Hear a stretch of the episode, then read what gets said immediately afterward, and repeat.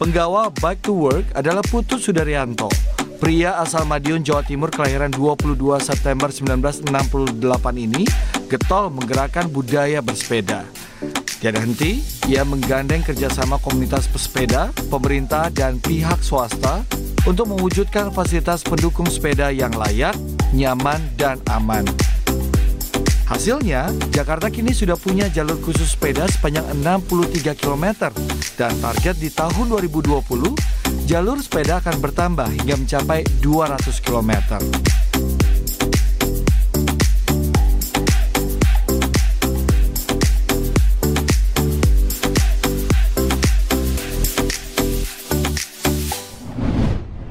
Ini sebenarnya boleh kita lalui dengan sepeda. Iya, trotoar eh, memang peruntukannya untuk pejalan kaki utamanya. Oke. Tetapi ketika tidak ada jalur sepeda di sana, maka kita sebagai pengguna sepeda dibolehkan menggunakan trotoar.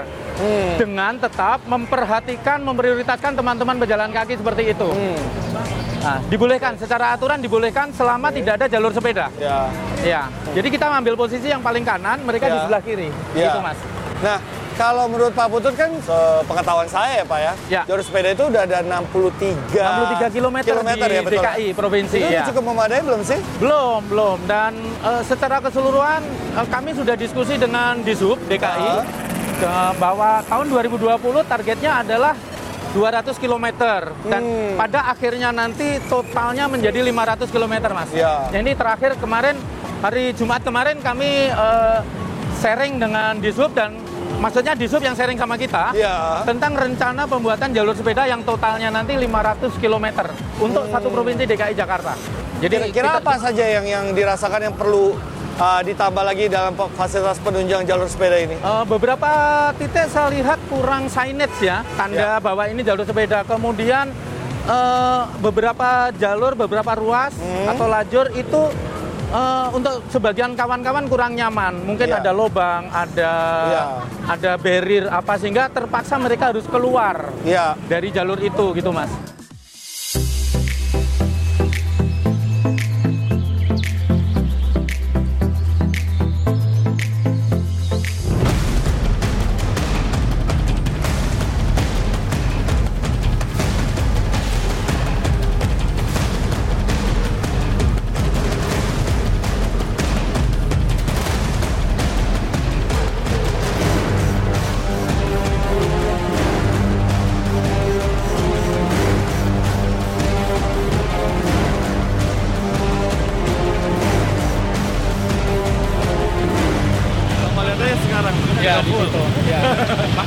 Kita ngobrol di sini, Pak. Maka ya salah satu caranya adalah program Anda ini Iya. luar biasa. Michael Chandra luar biasa ini. Mudah-mudahan bisa membantu sosialisasi agar kita Amin. Mudah-mudahan, Pak. Lanjut lagi, Pak. Oh, maaf. kita ke lagi. Siap. Nah, itu program.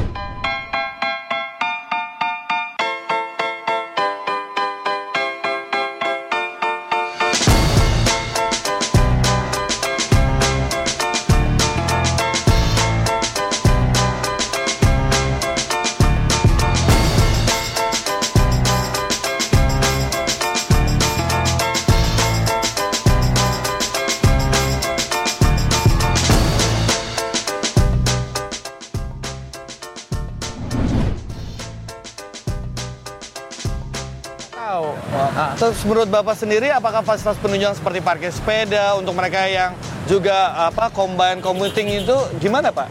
Cukup nggak sih? Eh, kurang saya kira. Hmm. Ya, saya kira kurang, tetapi sudah mulai ada. Ya. Jadi kita lihat di MRT itu Ya. sudah ada fasilitas penunjang parkir. Ya. Kemudian untuk sepeda lipat sudah dibolehkan masuk eh, gerbong ke- kereta Ya. MRT-nya. Nah, terminal-terminal juga saya lihat perhatikan parkir sepeda sudah mulai dibangun. Bangun. Fasilitas-fasilitas umum sudah. Tapi kalau bicara kurang masih kurang. Nah, Pak kalau kita lihat sendiri nih saat ini, ini macet ya banyak volume kendaraan bermotor Iya. tuh tak terhingga. Kira-kira aman nggak sih buat pesepeda? Jadi Ya. kalau bicara keamanan, saya kira dengan adanya jalur sepeda, pengguna sepeda lebih aman. Seharusnya begitu. Seharusnya.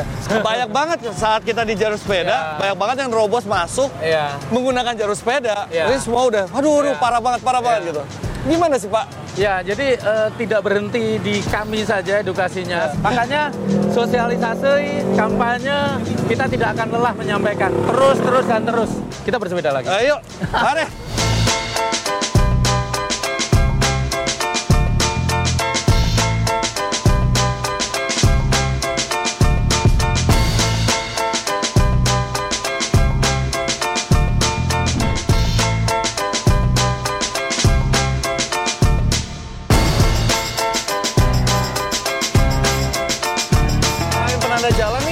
kita lihat tadi sempat berhenti kan nih. Ya. Ini apa nih? Parkir sepeda Ini ya? parkir sepeda dari teman-teman yang mix commuting. Ya. Jadi mereka taruh di sini parkir dikunci, Ya. lalu mereka pindah ke situ ke eh, jalur Oke. bus. Mereka ik- naik trans atau naik shuttle bus ini. Hmm. Jadi eh, nunggu bus di sana.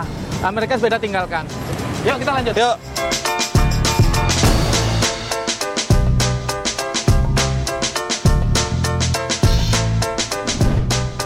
Uh, berhenti kali ya Pak ya?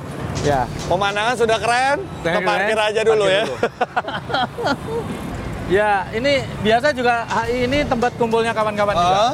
Tempat kumpulnya kawan-kawan biasa teman-teman di sana di dekat kantor polisi buat titik kumpul juga sih. Hmm. Biasa kalau pulang kerja atau office eh, mereka sholat maghrib di kantornya atau di masjid terdekat terus ngumpul-ngumpul di sekitar sini juga beberapa Ngopi-ngopi FX. juga nggak Pak? Ya tergantung mereka ada ada mampir ke warung atau apa. Tapi biasanya ini satu titik kumpul di sana, Hah? nanti baru nyebar lagi. Eh, FX juga ada di GBK juga Nggak ada, beberapa ada, titik. be- ada beberapa titiknya. Ya. Pak tadi kan kita udah lihat ya ada beberapa yang Bapak rasa fasilitasnya Oh. eh, masih minim. Ya. Tapi kira-kira kalau boleh nambahin lagi fasilitas penunjangnya seperti apa sih Pak buat pesepeda ini supaya lebih nyaman dan ini? Sebenarnya ini gedung-gedung ini. Jadi fasilitas di gedung di gedung yang banyak dituju oh, baik oleh pekerjanya maupun tamu untuk kemudahan ketika kita membawa sepeda, parkir yang aman dan nyaman, kemudian fasilitas ganti baju juga Betul. gitu sih, Mas. Betul betul. Nah, fasilitas pendukung eh, itu yang penting. Kalau Bapak sama teman-teman udah ngerasa belum dengan gerakan eh, bersepeda ini sudah membantu setidaknya mengurangi polusi udara di Jakarta? Oh iya, iya pasti. Kalau secara pribadi, kilometer saya per bulan mobil dengan sepeda banyakkan sepeda, mas. Ya artinya di situ saya penghematan BBM luar biasa. Saya ganti oli mobil 3-4 bulan sekali loh. Ah. Jadi benar-benar udah bisa membantu mengurangi polusi ya paling tidak ya? Ya tidak menambah polusi tepatnya, Iya. Ah, gitu sih. Tidak kita tidak ikut menyumbangkan polusi. Ya masih menggunakan kendaraan pribadi, tetapi tidak sesering pada umumnya masyarakat saya kira. Iya. Jadi tetap tetap butuh mobil, butuh motor. Namun bagaimana motor dan mobil itu kita gunakan secara bijak.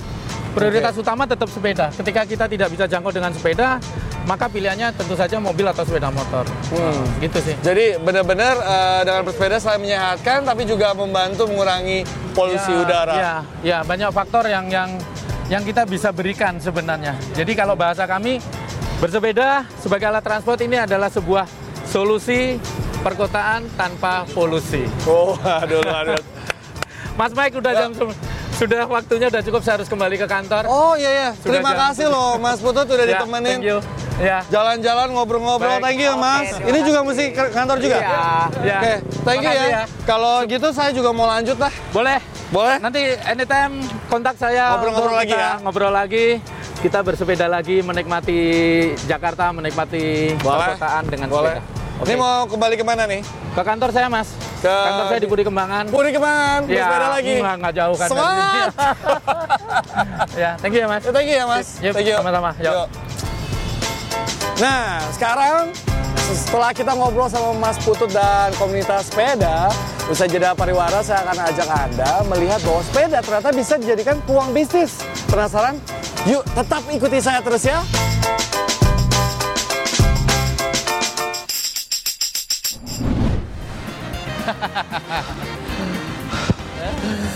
Aduh, aduh. Cepet banget, Mas. Buset. Ya gitulah kalau di jalan. Harus cepat ya. Harus cepat ya. Eh, ada cerita unik apa sih selain saya ketinggalan?